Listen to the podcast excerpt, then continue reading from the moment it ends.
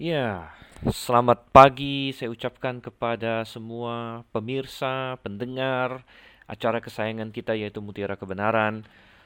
Anda masih bersama dengan saya Dr. Stephen Einstein Liao dan saya harap dan saya doakan Anda semua dalam kondisi yang super, dalam kondisi yang baik secara fisik, terutama juga secara rohani. Oke, dan kalau Anda mendengar ini pada saat malam hari atau siang hari, selamat malam dan selamat siang kepada Anda, apa pun juga yang sedang Anda lakukan saat ini. Semoga Anda siap bersama dengan saya untuk membahas kebenaran firman Tuhan.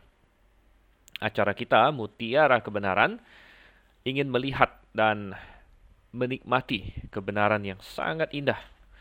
Dan kebenaran itu kita dapatkan hanya di dalam firman Tuhan. Memang ada kebenaran yang lain di luar firman Tuhan, namun kebenaran di luar firman Tuhan adalah kebenaran yang relatif. Namun kebenaran yang ada di dalam firman Tuhan itu adalah kebenaran yang absolut, kebenaran yang berasal dari Tuhan yang adalah sumber segala kebenaran. Sebab Yesus Kristus, yaitu Allah yang menjadi manusia, telah berkata, Akulah jalan dan kebenaran dan hidup. Mari kita membuka Alkitab kita bersama dan kalau Anda sudah mengikuti sesi-sesi kita dari sebelumnya sampai dengan sekarang, Anda tahu bahwa kita saat ini sedang akan membahas kitab Yosua. Jadi kita buka di dalam Yosua. Yosua adalah kitab ke-6 di dalam Perjanjian Lama. Dan memang acara Mutiara Kebenaran kita adalah membahas Perjanjian Lama. Kita sudah sampai di pasalnya yang ke-6. Dan Yosua adalah kitab yang termasuk dalam kitab sejarah. Uh, kita akan melihat bagaimana orang Israel berhasil mengambil satu langkah yang sangat penting di dalam Yosua pasal 6 ini, yaitu mereka mendapatkan tanah perjanjian mereka. Namun kita masih dalam proses di sini. Kita sampai di Yosua pasalnya yang ke-6.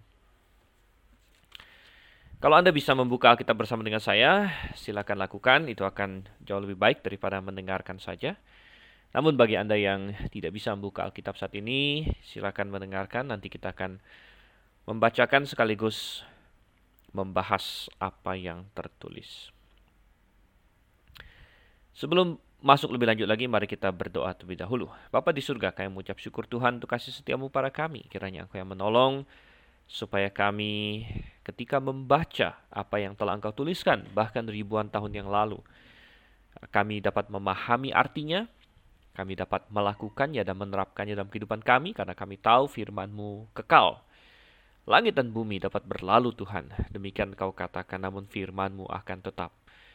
Keduanya berasal dari Engkau, baik langit dan bumi maupun Alkitab di tangan kami, namun Engkau telah mengatakan bahwa Alkitab firman-Mu lebih penting bagi kami. Bahkan Tuhan, Engkau mengatakan bahwa manusia tidak hidup dari roti saja, melainkan dari setiap firman yang keluar dari mulutmu, dari Engkau. Tuhan kami datang dengan suatu keyakinan untuk melakukan hal ini. Engkau yang kira tolong supaya kami dapat melakukannya dengan baik.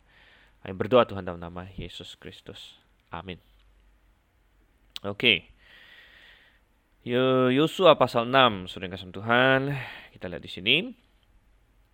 Dan ada 27 ayat di sini. Kita lihat dari ayat pertama. Dalam pada itu, Yeriko telah menutup pintu gerbangnya. Telah tertutup kota itu karena orang Israel tidak ada orang keluar atau masuk. Jadi sedikit latar belakang, siapa tahu Anda baru saja bergabung dengan kita. Yosua pasal 6 tentunya mengikuti Yosua pasal 5. Dan apa yang terjadi di Yosua pasal 5 atau bahkan sebelumnya di pasal 3 dan di pasal 4 adalah orang Israel menyeberangi sungai Yordan. Orang Israel tadinya berada di sebelah timur sungai Yordan. Anda bisa membayangkan geografi Kanaan pada waktu itu. Geografi Kanaan, uh, batas timur dari Kanaan, di timur tengah sana yang kita sebut timur tengah sekarang. Sebelah utara ada Danau Galilea. Kemudian dari Danau Galilea hampir boleh dibilang seperti garis lurus di peta, seperti garis lurus turun dari Danau Galilea. Itu adalah sungai Yordan dan masuk akhirnya bermuara di sebuah danau yang sangat besar yang memanjang yang disebut laut mati walaupun dia sebenarnya danau ya. Jadi disebut laut mati di situ. Jadi itu menjadi batas timur daerah Kanaan dan tadinya orang Israel berkemah sebelah timur dari Sungai Yordan itu jadi di luar Kanaan dan mereka akhirnya mengambil langkah masuk ke tanah Kanaan suatu langkah yang mereka telah tunggu-tunggu selama 38 atau 40 tahun kalau kita hitung keluar dari Mesir atau 38 tahun semenjak terakhir mereka gagal masuk karena mereka gagal bukan karena Tuhan tidak berkuasa atau Tuhan ingkar janji tidak mereka gagal karena mereka sendiri menolak uh, rencana Tuhan mereka menolak desain Tuhan mereka menolak perintah Tuhan. Tuhan suruh maju, tetapi uh, 12 orang pengintai, 10 di antaranya berkata, jangan, jangan maju. Di sana orangnya sangat kuat, mereka seperti raksasa, kita seperti uh, apa uh, belalang katanya ya, mereka kita seperti belalang. Jadi sangat uh, mengenaskan sekali raksasa lawan belalang. Namun sudah kasih Tuhan, oleh karena ketidakberimanan mereka, ketidakpercayaan mereka, padahal tidak kurang mereka melihat mukjizat Tuhan, mereka menyeberang laut merah, mereka Uh, melihat Mesir dipukul oleh berbagai tulah namun mereka tetap menolak. Namun akhirnya di generasi Yosua mereka masuk ke sungai menyeberang sungai Yordan masuk ke Kanaan dan mereka sampai di uh, menyeberang Kanaan. Akhirnya apa yang mereka lakukan di pasal 5 sebelum mereka mulai berperang, Tuhan mempersiapkan mereka secara rohani. Dan itu yang sudah kita bahas sesi yang lalu. Persiapan rohani selalu diperlukan sebelum Tuhan bisa memakai seseorang dengan luar biasa. Demikian juga dengan orang-orang Israel dan mereka disiapkan secara rohani, mereka disunat, kemudian mereka merayakan Paskah, eh, mereka merayakan Paskah. Jadi ada sunat di situ um, menghilangkan ya keduniawian, jadi menghilangkan manusia lama karena yang disunat adalah apa? Yang disunat adalah kulit katan jadi kulit katan, kulit kita, daging kita, apa hawa nafsu ke daging kita harus kita hilangkan, kita mengejar kekudusan. Dan sunat itu menggunakan uh, pisau ya, pisau-pisau yang tajam, pisau batu. Kalau kita baca di pasal 5 itu uh, pedang pedang bermata dua itu adalah firman Tuhan. Ya, jadi kita bisa menguduskan diri kita dengan memakai firman Tuhan. Oke, dan sekarang mereka sudah siap berperang. Yeriko, dikata kita baca di ayat 1, Yeriko telah menutup pintu gerbangnya. Tentunya mereka sangat kaget bahwa orang Israel bisa menyeberang sungai Yordan. Sudah pernah kita bahas bahwa waktu itu adalah musim uh, musim menuai. Jadi karena mereka baru saja merayakan Paskah berarti sekitar Maret atau April. Jadi ini adalah musim semi. Nah ini adalah musim banjir dan rupanya uh, sungai Yordan sedang meluap-luapnya. Mirip-mirip dengan di Jakarta di Indonesia ya, karena Indonesia juga ya sekitar ya mungkin tidak mirip sekali. Tapi kalau di Indonesia ya Jakarta terutama saya tinggal di Jakarta uh, bulan Januari, Februari, Maret itu musim hujan yang puncak-puncaknya biasa Jakarta banjir di bulan-bulan seperti itu. Jadi kita bisa membayangkan Sungai Yordan waktu itu juga sedang meluap-meluapnya dan barangkali orang-orang Kanaan berpikir bahwa ya um, masih lama lah ya orang Israel bisa menyeberang, masih perlu berapa minggu atau berapa bulan lagi baru mereka bisa menyeberang. Namun sangat luar biasa sekali mereka tentunya akhirnya mendengar bagaimana Tuhan dengan ajaib menyetop air sungai Yordan sehingga mereka bisa menyeberang dan itu membuat mereka tentunya semakin ketakutan lagi dan mereka menutup pintu gerbangnya. Mereka menutup pintu gerbang. dan perlu diketahui bahwa Yeriko adalah salah satu kota yang berkubu, salah satu kota yang kuat sekali di di di Kanaan dan letaknya ada di tengah-tengah Kanaan. Jadi kalau Kanaan kita kita anggap ada bagian utara, bagian selatan. Bagian selatan itu misalnya daerah Yerusalem, itu selatan ya. Sedangkan bagian utara itu ada kota-kota seperti Hazor dan lain sebagainya. Maka uh, Yeriko ini letaknya di tengah. Jadi di tengah-tengah, kalau Kanaan kita bagi dua, gitu, ada Yeriko, ada Ai, kota-kota yang berdekatan itu di tengah, adanya di tengah. Dan di antara banyak kota di Kanaan, Yeriko salah satu yang sangat kuat. Jadi kota Yeriko ini kan sudah ditemukan melalui arkeologi, ya, jadi ekskavasi-ekskavasi. Dan um, ada beberapa orang ahli arkeolog yang sudah pernah meneliti kota Yeriko, antara lain uh, satu orang namanya Garstang, kemudian ada Kenyon, itu nama arkeolognya. Dan mereka menemukan bahwa kota Yeriko ini memiliki tembok-tembok yang besar. Ya, tembok yang besar bahkan menurut arkeologi uh, temboknya dua lapis, gitu ada dua lapis tembok. Jadi ini adalah kota yang sulit ditaklukkan karena kota ini juga terletak di atas uh, semacam bukit, gitu. sulit ditaklukkan. Ya. Dan uh, ketika mereka ketakutan oleh karena orang Israel, mereka segera menutup pintu gerbangnya.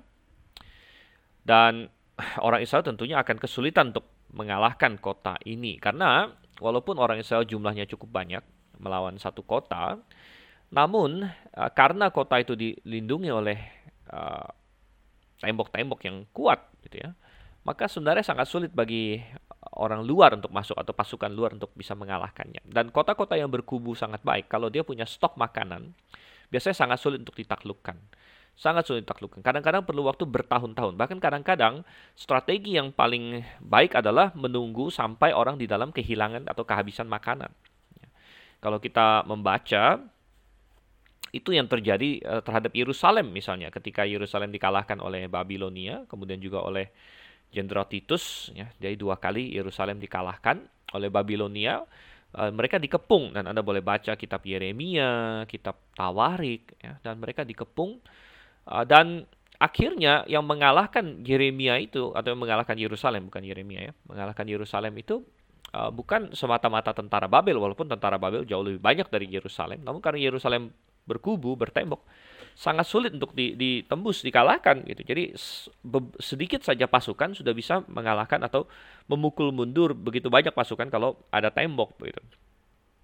Sehingga yang mereka lakukan adalah menunggu, mereka mengepung tidak bisa ada yang keluar, tidak bisa masuk, lama-lama makanan habis. Dan karena kelaparan, ya, orang-orang di dalam kota yang membelah tembok kota dan keluar, lari keluar. Gitu. Dan kadang-kadang itu butuh waktu bertahun-tahun. Tidak jarang ya, pengepungan itu bisa beberapa tahun. Ya, yang Yerusalem saja, kalau nggak salah, satu setengah tahun kira-kira. Ada pengepungan-pengepungan yang terjadi bisa dua, tiga tahun. Nah, apakah orang Israel harus mengalami hal yang sama melawan Yeriko di sini? Apakah mereka harus uh, menunggu mengepung sampai Yeriko mati kelaparan? Tentu itu bukan uh, itu secara manusiawi mungkin harus seperti itu, tapi tentu bukan itu yang Tuhan inginkan gitu. Dan kalau uh, Israel sampai melakukan seperti itu, maka apa yang terjadi? Nomor satu, uh, bangsa-bangsa Kanaan yang lain akan punya waktu untuk bersiap-siap.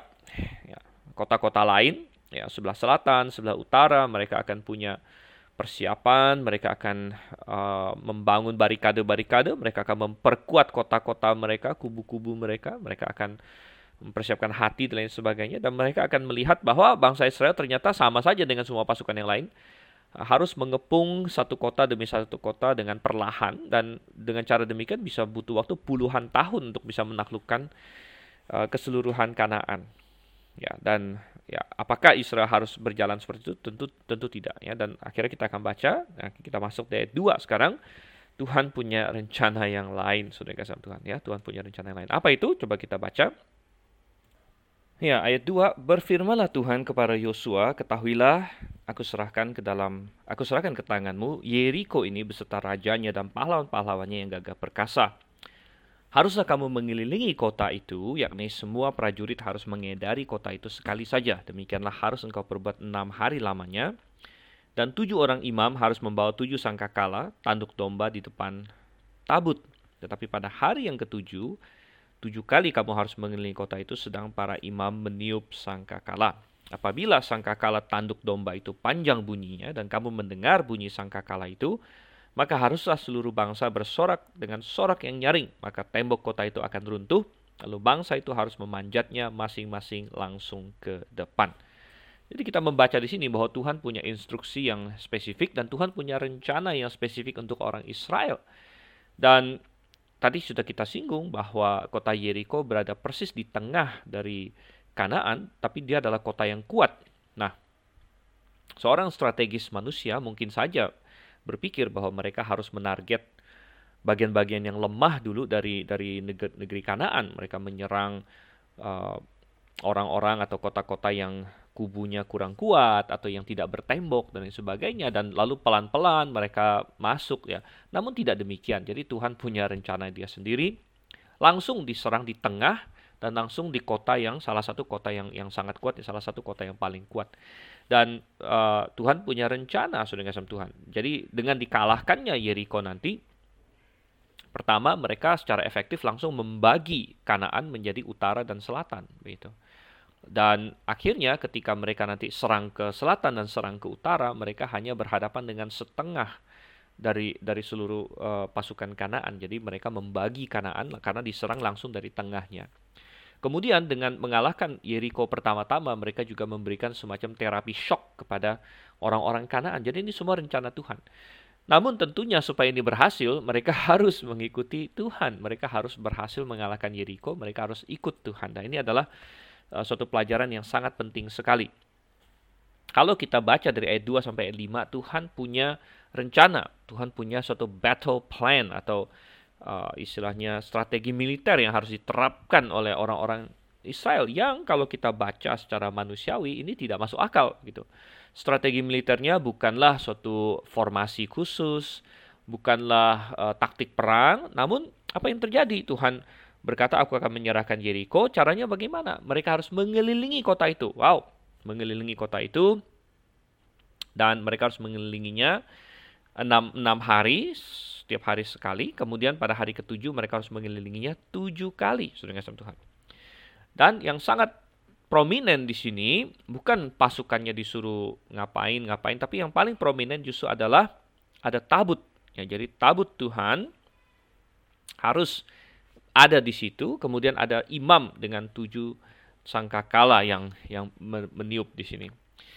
Nah, sekali lagi, tentunya secara manusiawi atau secara taktik militer tidak ada yang bisa dibahas karena memang ini bukan taktik militer sebenarnya. Ya, secara militer tidak ada efeknya melakukan ini, mengelilingi tembok musuh dan lain sebagainya tidak ada efek sama sekali. Bahkan secara militer berbahaya begitu.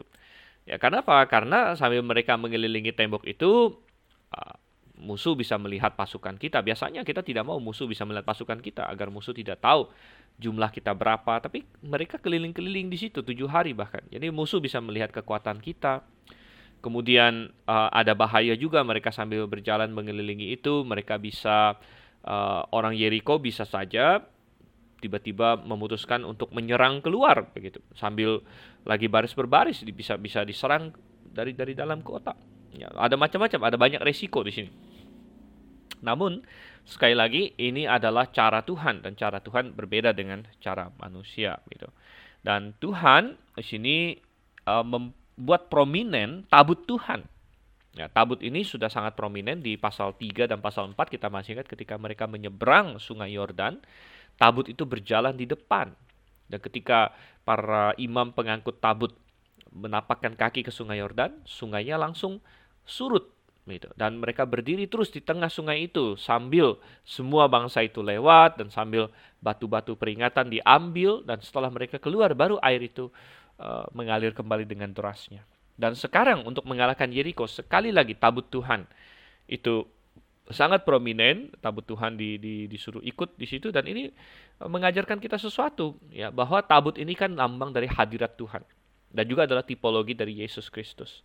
Jadi pelajaran yang sangat penting adalah bahwa dalam rencana yang Tuhan berikan dalam untuk hidup kita selalu yang yang harus dinomorsatukan atau prominent adalah Yesus Kristus atau Tuhan gitu atau penyertaan Tuhan. Dan ketahuilah bahwa Tuhan punya rencana untuk setiap kita masing-masing. Tuhan bukan punya hanya punya rencana untuk Israel, Tuhan punya rencana untuk saya, Tuhan punya rencana untuk Anda. Dan uh, rencana itu rencana yang indah gitu karena dia menciptakan kita masing-masing. Dan kalau misalnya kita menjadi kacau, hidup kita kacau itu adalah karena kita telah menolak rencana Tuhan untuk hidup kita dan ini tidak uh, tidak lepas ya semua manusia seperti itu mulai dari Adam dan Hawa. Anda tahu Adam dan Hawa Tuhan punya rencana yang sangat indah bagi mereka. Tuhan ciptakan taman bagi mereka. Tuhan tanam tumbuh-tumbuhan yang banyak yang indah. Tuhan kasih binatang-binatang yang yang bisa menjadi teman bermain. Tuhan berikan mereka satu dengan yang lainnya. Tuhan ciptakan Adam bagi Hawa dan Hawa bagi Adam ya. Bahkan uh, Hawa bagi Adam lebih tepat ya karena tapi ya mereka saling melengkapi lah begitu ya. Tapi memang laki-laki diciptakan duluan Adam kemudian Hawa diciptakan untuk menjadi penolong penolong Adam ya tentunya Adam juga mengasihi Adam eh, Hawa. Uh, jadi saudara kasih Tuhan kita melihat di sini um, Tuhan punya rencana yang indah untuk Adam dan Hawa. Ya tetapi mereka menolak rencana itu karena mereka tidak mau taat sama Tuhan. Ya, Tuhan bilang jangan kau makan dari buah ini tapi mereka makan dari buah itu. Nah bagaimana dengan Anda dan saya Tuhan juga punya rencana yang indah bagi hidup kita. Mungkin Anda berkata, apa rencana itu? Kok saya tidak tahu begitu. ya, rencana itu bisa Anda dapatkan dari firman Tuhan. Ada rencana-rencana yang yang umum, ada rencana-rencana yang spesifik. Misalnya, rencana Tuhan bagi setiap manusia adalah supaya dia diselamatkan. Sudahkah Anda diselamatkan? Sudahkah Anda menaruh iman secara pribadi kepada Yesus Kristus? Saya tidak bertanya apakah Anda orang Kristen, karena bisa saja KTP Anda Kristen, tapi Anda belum pernah sungguh-sungguh percaya. Jadi saya intinya ingin bertanya Anda Kristen yang sejati atau tidak begitu, bukan hanya Kristen karena oh saya lahir di keluarga Kristen, suku saya suku Kristen, ya. Bapak mama saya orang Kristen atau lain sebagainya. Bukan itu yang saya tanya, tapi secara pribadi pernahkah Anda dilahir barukan karena menaruh iman kepada Sang Juru Selamat? Itu adalah rencana Tuhan bagi hidup Anda. Dan kalau Anda sudah percaya Yesus, wow, puji syukur. Maka Anda memiliki hidup yang kekal. Ya, jadi uh, rencana yang indah bukan? Ya, dan Tuhan punya rencana, tapi tidak stop sampai di sana. Karena kita tidak langsung mati masuk surga kan? Kalau kita percaya Yesus, kebanyakan orang masih hidup ya. Memang sebagian ada yang mati tidak lama. Dan Tuhan punya rencana untuk hidup kita setelah itu. Ya, rencana-rencana yang sesuai dengan firman Tuhan. Uh, Tuhan ingin kita dibaptis, memberi diri baptis itu sudah pasti. Semua orang yang percaya patut memberi diri dibaptis. Dan baptisan itu bukan terjadi saat Anda bayi, Anda nggak ngerti apa-apa, itu bukan baptisan. Anda harus setelah Anda diselamatkan, memberi diri dibaptis, yaitu dimasukkan ke dalam air, bukan dipercik, bukan dituang, bukan dilap-lap gitu. Tapi masuk ke dalam air, karena itu arti kata baptizo. Dan dengan itu bergabung dengan jemaat yang Alkitabiah, jemaat yang bagus, jemaat yang mengajarkan Alkitab. Bukan Alkit, bukan uh, jemaat yang tidak mengajarkan keselamatan, ya, uh, gereja yang uh, doa sama Maria, gereja yang memercik bayi atau gereja yang uh, apa mistik-mistikan bukan. Gereja yang alkitabiah. Itu adalah kehendak Tuhan bagi hidup anda. Ya dan uh, itu adalah kehendak yang anda bisa tahu dari Alkitab. Ya. nah dan kalau anda lakukan itu anda lakukan itu anda anda kemudian ikutin terus ya firman Tuhan berkata kejarlah kekudusan firman Tuhan berkata layanilah Tuhan dan Anda lakukan Anda lakukan Tuhan akan pimpin terus kepada hal-hal yang lebih spesifik. Nah, kebanyakan orang hari ini dia pengen tahu hal-hal yang spesifik. Tuhan saya kerja apa? Tuhan saya mau menikah sama siapa? Tuhan eh, saya mau sekolah apa dan lain sebagainya. Ya, tapi ya memang Tuhan juga punya rencana-rencana yang spesifik untuk kita. Tapi banyak orang mau tahu hal-hal yang spesifik itu tanpa mau melakukan kehendak Tuhan yang umum yang dia bisa tahu dari Alkitab begitu. Dia tidak mau memberi diri dibaptis dengan Alkitabiah, dia tidak mau bergabung dengan jemaat lokal, dia tidak mau melayani Tuhan sesuai dengan apa yang uh, karunia Tuhan berikan padanya. Dia tidak mau uh, misalnya mengejar kekudusan yang jelas adalah kehendak Tuhan dalam Alkitab. Jadi kehendak Tuhan yang sudah sudah jelas di dalam Alkitab dia tidak mau lakukan. Bagaimana dia bisa berkata kepada Tuhan, Tuhan tunjukkan kepada saya kehendakmu dalam hal lain. Ya Tuhan loh, yang yang saya tunjukkan di Alkitab saja kamu nggak mau lakukan. Lalu sekarang kamu berdoa Tuhan, tunjukkanlah kehendakmu, saya mau menikah sama siapa, mana laki-laki untuk saya, mana cewek yang yang bagus untuk saya. Ya, Tuhan bilang, ya Tuhan punya rencana yang bagus untuk kita, ya tapi bagaimana kita bisa sensitif kepada uh, penyertaan Tuhan? Dan bagaimana kita bisa tahu kalau Tuhan menuntun kita ke satu arah kalau hati kita tidak in tune dengan Tuhan. Hati kita tidak uh, memang sudah mencari Tuhan dan dan kita sudah mau melakukan kehendak Tuhan yang yang nyata dalam hidup kita. Ya, tidak bisa. Dan ingat bahwa uh, semua kehendak Tuhan ya intinya ketika kita membuat keputusan-keputusan dalam hidup ini buatlah keputusan-keputusan yang uh, bersenterkan atau berpusatkan pada Yesus Kristus. Karena demikianlah Tuhan memimpin Yosua. Tabut itu ada di depan, tabut itu memimpin jalan, ya kehadiran Tuhan, penyertaan Tuhan Yesus Kristus. Jadi kalau kita membuat keputusan-keputusan kita berdasarkan pertimbangan Tuhan, berdasarkan pertimbangan juru selamat kita Yesus Kristus, artinya uh, kira-kira Yesus Kristus setuju nggak dengan ini, gitu kan? Misalnya masalah masalah pasangan hidup, ya ini yang banyak digumulkan orang muda kan? Ya, kita ada yang di dalam Alkitab. Uh, di dalam Alkitab sudah jelas misalnya uh, kita hanya boleh menikah dengan sesama orang percaya. Ya, lalu kalau misalnya Anda ketemu orang agama lain, Anda doa Tuhan inikah orangnya? Ya, nggak usah ditanya begitu. Nggak usah ditanya. Um, bukan, ya, karena bukan itu kehendak Tuhan. Ya. Nah, Anda boleh ber, bersaksi kepada dia. Nah, kalau dia percaya, ya itu beda lagi. Misalnya Anda bersaksi-bersaksi lalu dia terima Tuhan Yesus, nah terbuka kemungkinan bisa jadi ini. Tapi jangan Anda langsung belum belum ada hasil Anda sudah berpikir ini dia orangnya. Begitu. Nah, tapi bukan hanya itu saja. Itu kan Alkitab bilang orang yang sesama orang percaya misalnya untuk mencari pasangan hidup. Namun katakanlah ada beberapa orang percaya ada beberapa calon gitu kan sama-sama orang percaya dan yang kalau saya bilang orang percaya maksudnya benar-benar percaya ya bukan Kristen bohong-bohongan tapi anda bisa bertanya yang mana yang yang akan uh, membantu saya untuk tetap melayani Tuhan untuk tetap dekat dengan Yesus Kristus? Nah, yang mana? Begitu. Nah ini.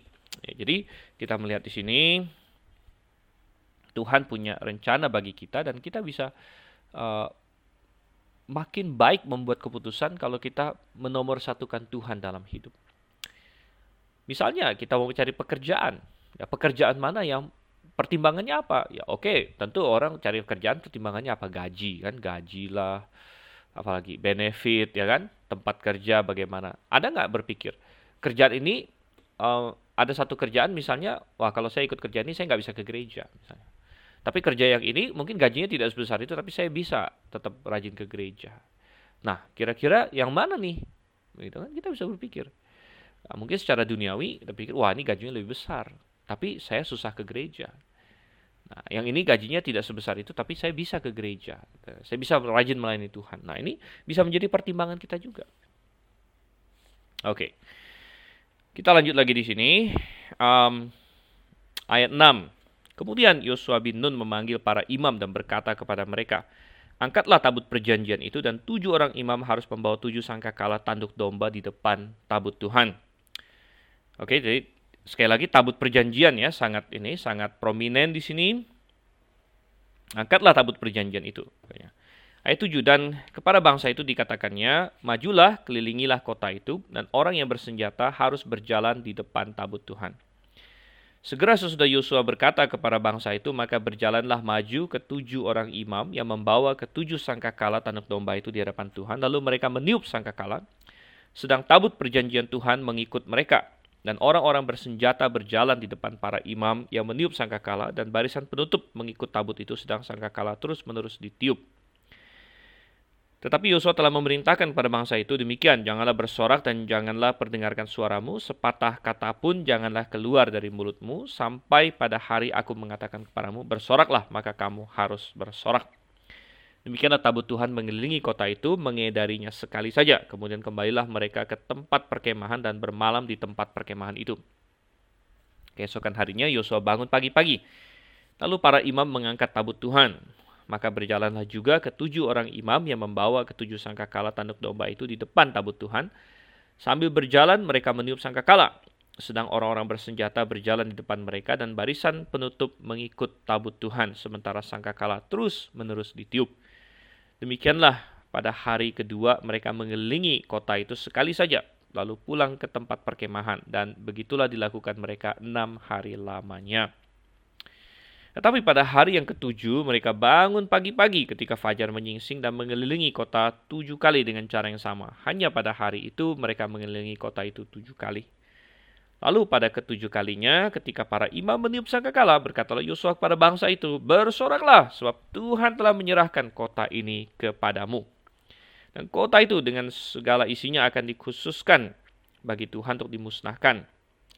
Hanya Rahab perempuan sundal itu akan tetap hidup ia dengan semua orang yang bersama-sama dengan dia di dalam rumah itu karena ia telah menyembunyikan orang suruhan yang kita suruh. Oke, kita stop sampai sana dulu. Jadi, kita melihat di sini apa yang Tuhan telah perintahkan diterapkan atau dilaksanakan oleh Yosua. Dan ini mengajar kita bahwa kunci sukses tentunya Tadi kita bilang bahwa Yosua harus percaya kepada Tuhan, harus beriman kepada apa yang Tuhan katakan.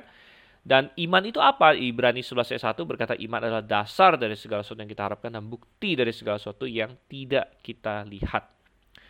Secara manusiawi, Yosua tidak bisa melihat bagaimana caranya memutari kota Yeriko bisa memenangkan mereka pertempuran itu. Dia tidak bisa melihat itu. Itu belum nyata bagi mata fisiknya, tidak terlihat dari otaknya kok bisa begitu kan?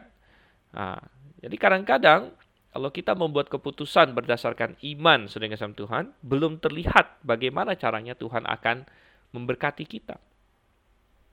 Misalnya ada kesempatan bagi kita untuk berbuat curang, ada kesempatan bagi kita untuk korupsi, ya, di kantor kah, di pemerintahan kah, dan kita berpikir bahwa ini korupsinya lumayan besar dan kemungkinan tertangkapnya kecil misalnya, dan jumlahnya wah bisa menggoda banyak orang sudah kasih Tuhan. Bisa menggoda banyak orang. Uh, wow kalau jumlah yang cuma berapa juta sih oke okay. katakanlah anda bisa berpotensi dapat berapa miliar berapa puluh miliar uang dan wow itu godaan ya. tapi dalam hati kecil anda anda tahu ini curang ini tidak benar ini salah di hadapan Tuhan gitu kan tapi di sisi lain ada uang nih, uang ini kelihatan, angkanya kelihatan, gitu. Ya fisiknya kelihatan, kalaupun nggak kelihatan langsung uangnya, kelihatan di bank, gitu. Rekening anda angkanya berubah, gitu. kelihatan nyata begitu. Tapi anda mungkin berkata tidak. Siapa yang akan berkata tidak? Saya akan ikut Tuhan. Saya yakin Tuhan akan berkati saya. Sudah kelihatan belum berkat Tuhan? Belum. Belum, belum kelihatan berkat Tuhan. Ya. Namun apa itu iman? Iman adalah bukti dari segala sesuatu yang tidak kita lihat. Bukti. Ya. Asal kita lakukan dengan iman kepada Tuhan. Belum kelihatan. Jadi Yosua belum kelihatan. Nah ini banyak sekali contohnya dalam hidup ini. Ada orang-orang yang ya, demi Tuhan melakukan hal yang orang tidak paham. Para martir zaman dahulu. Ada martir Kristen, ya martir baptis, kaum baptis. Ada yang gara-gara apa? Gara-gara mempertahankan bahwa baptisan itu hanya untuk orang percaya. Bayi tidak boleh dibaptis. Banyak yang kehilangan kepala, dibakar, ditenggelamkan. Apakah kelihatan? Apa keuntungannya mereka? Mungkin ada orang menasihati, aduh nggak usah deh seperti itu. Ngapain kamu kehilangan nyawa kamu? Untuk apa? Apa yang kamu dapat? Nggak ada kelihatan, saudara Tuhan. Namun itulah iman ya, iman. Nah, jadi kalau kita mau ikut Tuhan, kita harus punya iman. Tapi iman itu, saudara, iman itu apa? Iman itu percaya. Dan percaya yang benar-benar percaya itu pasti muncul dalam perbuatan. Jadi iman yang sejati pasti menghasilkan ketaatan. Seperti Yosua, kasus Yosua. Tuhan bilang, Yosua, kalau kamu mau menang, nih, kamu puterin kota ini. Tujuh hari lamanya. Puterin ya. Tiap hari sekali, nanti hari ketujuh, tujuh kali. Percaya nggak kamu Yosua? Percaya, Yosua bilang percaya. Tapi kalau akhirnya dia bilang, ah enggak, uh, akhirnya dia kasih perintah sama prajuritnya yang lain, maka tidak peduli dia ngomong apa pun di mulutnya, dia bilang percaya. Tapi intinya nggak percaya dari perilaku dia. Namun kita baca tadi yang sudah kita lihat di ayat 7 dan seterusnya, ternyata Yosua benar-benar percaya. Jadi percayanya Yosua dibuktikan dari dia melakukan firman Tuhan. Nah, demikian juga dengan kita hari ini. Kita diselamatkan oleh iman. Hanya oleh iman. Orangku yang benar akan hidup oleh iman, itu kata Tuhan. Namun iman yang sejati adalah iman yang pasti menghasilkan perbuatan. Iman yang sejati adalah iman yang akan taat sama Tuhan. Oleh karena itu orang yang beriman sejati dia akan taat sama Tuhan. Tadi saya katakan dia akan mulai mempelajari firman Tuhan. Oh firman Tuhan suruh saya dibaptis, saya akan memberi diri dibaptis. Ah, oh, dulu saya di bayi udah dipercik. Ah, rupanya itu salah. Ya, saya akan memberi diri dibaptis setelah saya sungguh-sungguh percaya. Tuhan suruh saya bergabung dengan jemaat. Ya, saya akan bergabung dengan jemaat yang Alkitabiah, yang mengajarkan kebenaran firman Tuhan. Tuhan suruh saya ini, dan lain sebagainya, dan lain sebagainya. Tuhan suruh saya mendukung pekerjaan Tuhan dengan perpuluhan dan lain sebagainya. Wow, secara real uang saya berkurang 10% atau lebih. Tapi saya percaya, Tuhan sanggup mudah bagi Tuhan untuk memberkati kita. Ya, sudah enggak sama Tuhan. Ya, itu adalah hal yang luar biasa. Itulah iman. Iman menuntut ketaatan. Jadi orang Israel menang dengan iman, dengan ketaatan, ya. namun kemudian juga dengan apa? Dengan ketekunan. Ketekunan. Jadi taat itu bukan hanya satu kali, tapi tekun, terus, terus, terus tekun. Dan dalam ketekunan itu ada suatu apa? Keberanian untuk percaya kepada Tuhan. Keberanian untuk percaya kepada Tuhan. Perhatikan orang Israel mengelilingi tujuh hari. Dan saya bisa membayangkan waktu mereka pertama mendekati Yeriko, wah orang Yeriko ketakutan semua. Mereka mungkin mendekat, mendekat Yeriko, wah mereka mendekat dari sisi timur, ya kan mereka dari sisi timur. Wah, Raja Yeriko langsung, ayo semua pasukan maju ke tembok timur nih orang Israel datang ini. Wah, semua pasukannya berkumpul di di di tembok timur. Lalu mereka lihat, wah orang Israel sudah sampai di bagian timur dari kota itu. Lalu mereka mulai berbaris. Wah, Mungkin mereka kaget juga, uh banyak sekali nih orang Israel. Mereka baris, berbaris, namun aneh. Orang Israel memutar ke utara. Wah mungkin mereka mau serang dari utara. Mereka anggap itu lebih lebih lebih lemah. Wah semua pasukan Yeriko mungkin lari ke utara. Orang Israel muter ke utara. Eh muter ke barat saudara. Wah pasukan Yeriko mungkin ke barat juga. Eh nggak jadi muter ke selatan. Wah mereka muter ke selatan. Eh nggak, eh balik lagi ke timur. Mungkin mulai heran orang Jericho. Habis itu mereka pulang lagi. Wah, kok pulang mereka? Wah, bingung. Nah, mungkin hari pertama mereka bilang, oh mereka mau lihat-lihat kota. Mereka mungkin mau lihat-lihat pertahanan kota kita. Itu mungkin. Nah, mereka hari kedua terjadi lagi yang sama. Tambah bingung lagi mereka. Tapi mulai, mungkin mulai orang-orang Jericho mulai uh, mulai merasa aneh. Dan mungkin sebagian mereka mulai mengejek. Apalagi hari ketiga, hari keempat, mereka mulai mengejek, wah jangan-jangan inikah pasukan Israel yang katanya sangat hebat itu, ya ngapain kita takut dan sebagainya. Dan sebagian orang Israel mungkin merasa terpancing juga begitu. Tapi diperlukan ketekunan, ketekunan untuk ikut terus apa yang Tuhan katakan. Dan Tuhan sengaja, bisa nggak Tuhan hancurkan dalam satu hari, satu kali keliling? Oh bisa. ya Tuhan nggak usah pakai keliling atau satu kali keliling pun bisa. Tapi Tuhan sengaja suruh mereka 13 kali keliling. 13 kali keliling. Kadang-kadang ada banyak orang uh, salah ini ya. Uh, mereka berpikir orang Israel kelilingin tujuh kali. Nah itu salah. Karena mereka kelilingin tujuh hari benar, tapi bukan tujuh kali. Karena hari ketujuh mereka kelilingin 13 kali. Waktu masih anak sekolah minggu, saya masih ingat ada lagu tentang Yeriko ini kan. Mungkin sebagian para pendengar ada yang tahu juga Yosua Yosua panglima Israel, ya kan? Yosua Yosua panglima Israel merebut tanah. Uh, gimana lagunya? Uh, Yosua Yosua panglima Israel. Nah, intinya dia merebut tanah Kanaan. Ya, mengalahkan Yeriko. Terus ada lagu lagi uh, keliling satu kali. Teret teret teret keliling satu kali. Teret teret teret keliling dua kali. Ah, keliling tiga kali sampai tujuh kali katanya. Nah, tapi salah mestinya sampai tiga belas kali ya. nah, um, kita melihat dan Yosua Yosua panglima Israel juga sebenarnya benar secara manusiawi dia panglimanya. Tapi kita sudah lihat tadi di pasal 5 di sesi lalu bahwa siapa panglima tertingginya? Panglima tertinggi adalah Tuhan, Saudara. panglima tertinggi adalah Tuhan. Dan berbahagialah orang yang menyadari hal itu. Kalau Yosua mau mau sombong, ada, uh siapa ini bilang akulah panglima bala tentara Tuhan kan saya panglima Israel. Wah, bisa kacau dia.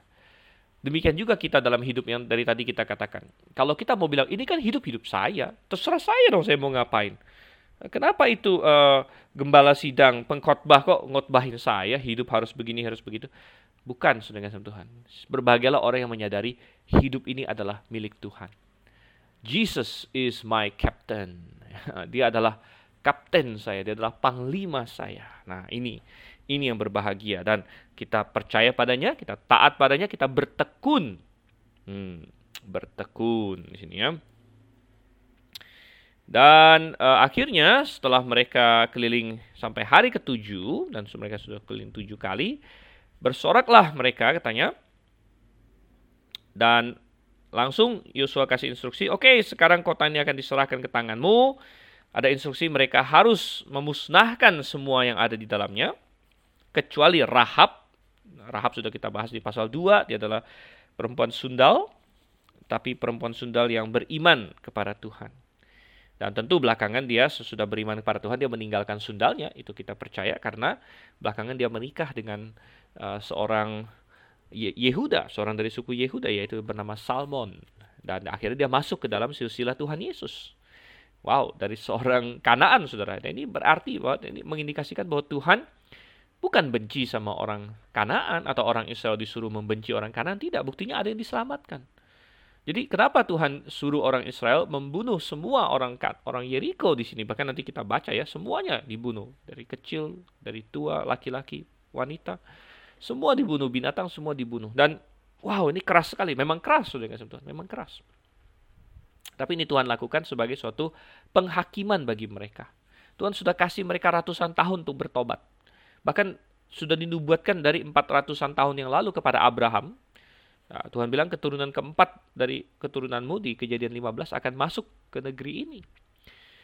Uh, sampai kedurjanaan orang Amori lengkap. Jadi Tuhan sudah kasih mereka kesempatan ratusan tahun untuk bertobat. Namun mereka tidak bertobat. Nah, coba kita baca dulu deh. Kita baca ya. Ayat 18 saya akan akan lanjutkan nanti. Tetapi kamu ini jagalah dirimu terhadap barang-barang yang dikhususkan untuk dimusnahkan. Supaya jangan kamu mengambil sesuatu dari barang-barang yang dikhususkan itu setelah mengkhususkannya dan dengan demikian membawa kemusnahan atas perkemahan orang Israel dan mencelakakannya. Segala emas dan perak serta barang-barang tembaga dan besi adalah kudus bagi Tuhan. Semuanya itu akan dimasukkan ke dalam perbendaharaan Tuhan. Lalu bersoraklah bangsa itu sedang sangkakala ditiup. Segera sesudah bangsa itu mendengar bunyi sangkakala, bersoraklah mereka dengan sorak yang nyaring, maka runtuhlah tembok itu. Lalu mereka memanjat masuk ke dalam kota, masing-masing langsung ke depan dan merebut kota itu. Mereka menumpas dengan mata pedang segala sesuatu yang di dalam kota itu, baik laki-laki maupun perempuan, baik tua maupun muda, sampai kepada lembu, domba, dan keledai. Tetapi kepada kedua orang pengintai negeri itu Yosua berkata, Masuklah ke dalam rumah perempuan sundal itu dan bawalah keluar perempuan itu dan semua orang yang bersama-sama dengan dia, seperti yang telah kamu janjikan dengan bersumpah kepadanya. Lalu masuklah kedua pengintai muda itu dan membawa keluar Rahab dan ayahnya, ibunya, saudara-saudaranya, dan semua orang yang bersama-sama dengan dia. Bahkan seluruh kaumnya dibawa mereka keluar. Lalu mereka menunjukkan kepadanya tempat tinggal di luar perkemahan orang Israel. Tetapi kota itu dan segala sesuatu yang ada di dalamnya dibakar mereka dengan api. Hanya emas dan perak, barang-barang tembaga dan besi ditaruh mereka di dalam perbendaharaan rumah Tuhan.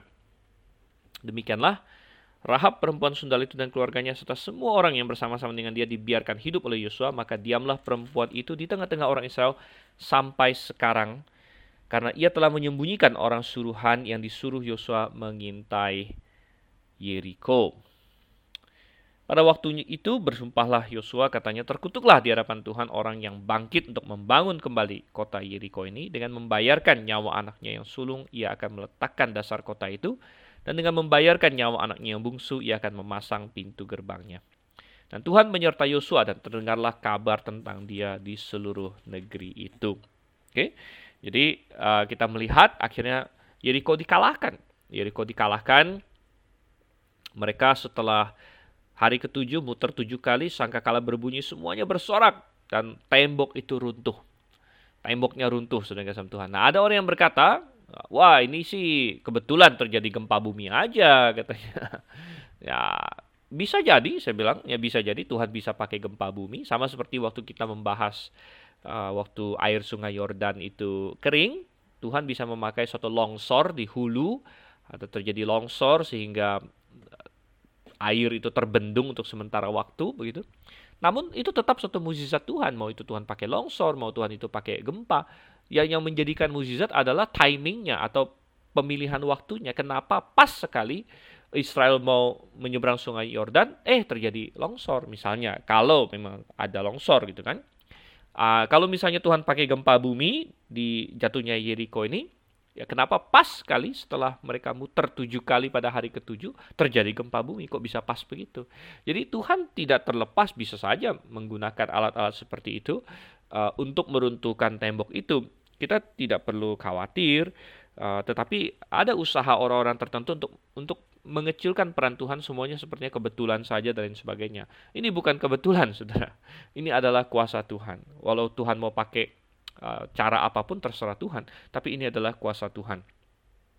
Dan tembok-temboknya runtuh, dan dikatakan mereka langsung naik ya naik manjat ke depan. Kenapa manjat? Tadi sudah kita sebut bahwa kota Yeriko ada terletak di semacam sedikit bukit begitu jadi agak tinggi. Jadi temboknya runtuh pun mereka tetap harus manjat Dan kemudian mereka memusnahkan katanya ya, menumpas semuanya dengan mata pedang dan kita sudah singgung sedikit tadi bahwa ini adalah sesuatu yang keras ya, keras ya. Mungkin kita bilang keras sekali ya sampai anak kecil semua uh, benar uh, ini adalah suatu suatu yang keras ya. Kita tidak pungkiri itu. Uh, tapi itu adalah karena ingat bangsa ini adalah bangsa yang jahat. Bangsa yang jahat ya. Dan Tuhan punya hak. Ya, Tuhan punya hak untuk menghukum. Tuhan bisa pakai banyak hal Tuhan bisa pakai misalnya Sodom dan Gomora. Sodom dan Gomora Tuhan hancurkan pakai apa? Pakai api dan belerang dari langit. Api dan belerang dari langit. Tuhan hancurkan itu. Ah, nah, mati semua. Ya termasuk anak-anak, ya termasuk orang tua, laki-laki perempuan, ya kan mati semua di Sodom dan Gomora. Nah, kalau Tuhan bisa pakai ah, bencana alam, Tuhan bisa pakai suatu hukuman dari langit, Tuhan saat ini mau pakai orang Israel. Gitu. Untuk jadi Israel hanyalah semacam pedang Tuhan di sini uh, untuk menghukum orang-orang Kanaan ini, termasuk orang Yeriko. Tapi sekali lagi Tuhan malah masih memberikan kesempatan bagi mereka untuk bertobat dan termasuk Rahab. Rahab adalah contoh bahwa ini bukanlah karena suatu kebencian rasial, ya, ini bukanlah uh, itu ini murni adalah penghukuman Tuhan atas suatu bangsa yang jahat yang sudah dikasih kesempatan bertobat. Ketika ada yang bertobat, mereka bisa mendapat kesempatan untuk selamat ya, yaitu Rahab dan keluarganya. Yang kita sudah bahas di pasal 2 uh, eh, ada tanda yang mereka berikan yaitu suatu sehelai tali atau ya sehelai tali kirmizi, tali merah yang melambangkan darah Yesus Kristus. Dan kedua pengintai muda itu diperkirakan salah satunya adalah Salmon, sudah kasih Tuhan, salah satunya Salmon yang akan menjadi suami dari si uh, Rahab ini nantinya. Dan uh, mereka datang ke Rahab membawa mereka keluar. Dan dikatakan di ayat 25, diamlah perempuan itu di tengah-tengah orang Israel sampai sekarang. Nah, kata sampai sekarang berarti kitab Yosua ditulis tidak lama setelah peristiwa-peristiwa ini. Jadi uh, bukan ratusan tahun kemudian, mungkin beberapa puluh tahun setelah itu. Jadi Rahab masih hidup. Ya. Rahab kan perempuan muda, ya, perempuan muda. Ya, akhirnya belakangan dia menikah dengan dengan Salmon. Jadi dia bisa jadi masih hidup berapa puluh tahun.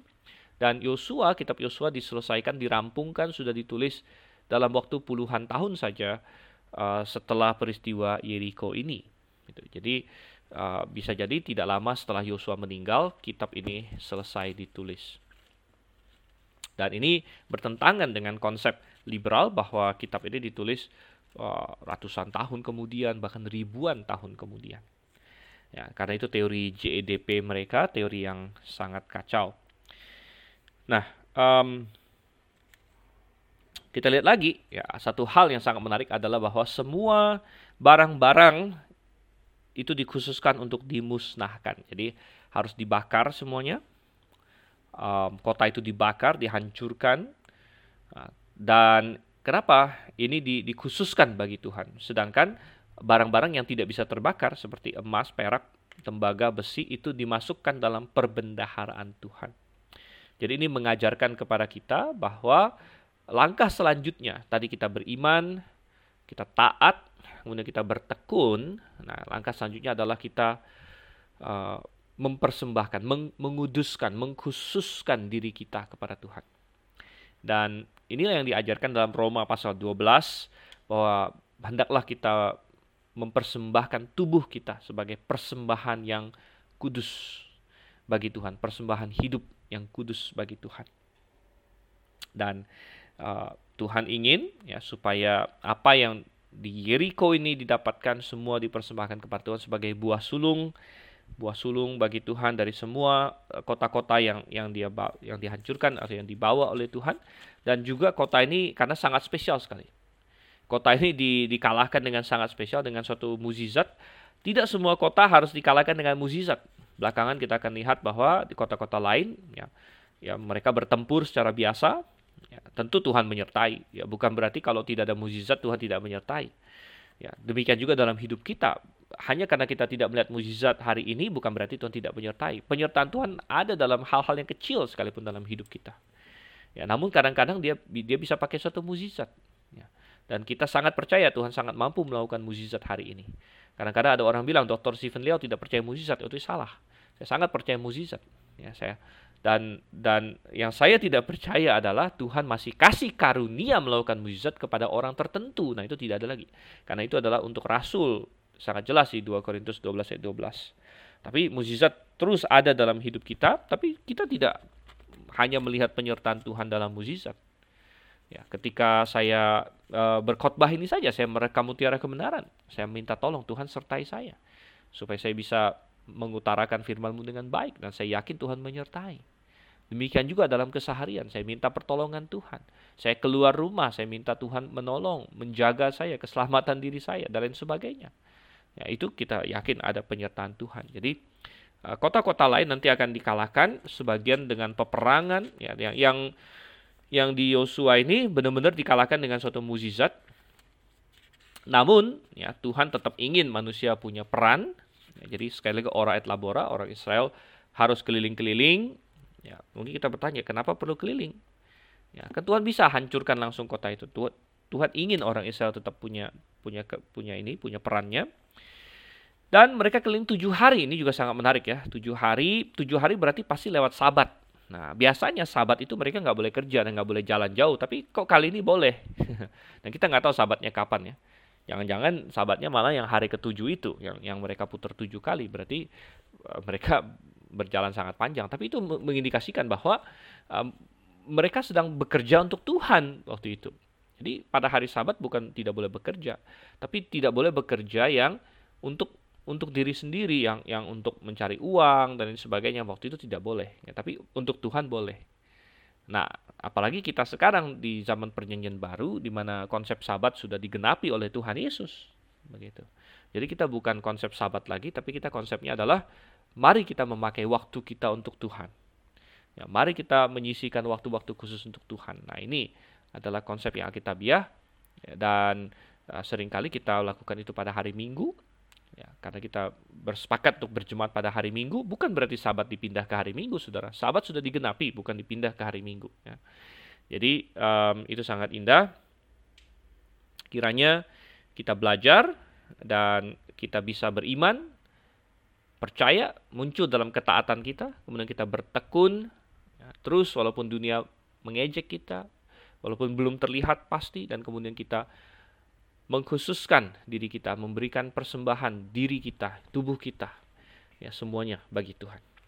Mari kita berdoa. Terima kasih Tuhan untuk kasih setiamu pada kami. Tolonglah supaya kami belajar dari apa yang Engkau perbuat di Jericho, penyertaanmu dan instruksimu. Engkau punya suatu rencana yang baik bagi kami Tuhan. Kiranya dengan iman kami meraih itu mendapatkannya dan kami menikmati kasih karunia-Mu yang indah. Hamba berdoa untuk semua yang mendengar Tuhan. Kiranya mereka menjadi pelaku firman, bukan hanya pendengar. Kami berdoa dalam nama Yesus Kristus. Amin. Sampai berjumpa di episode berikutnya. Saya Dr. Sifan Ansen Liao. Maranatha.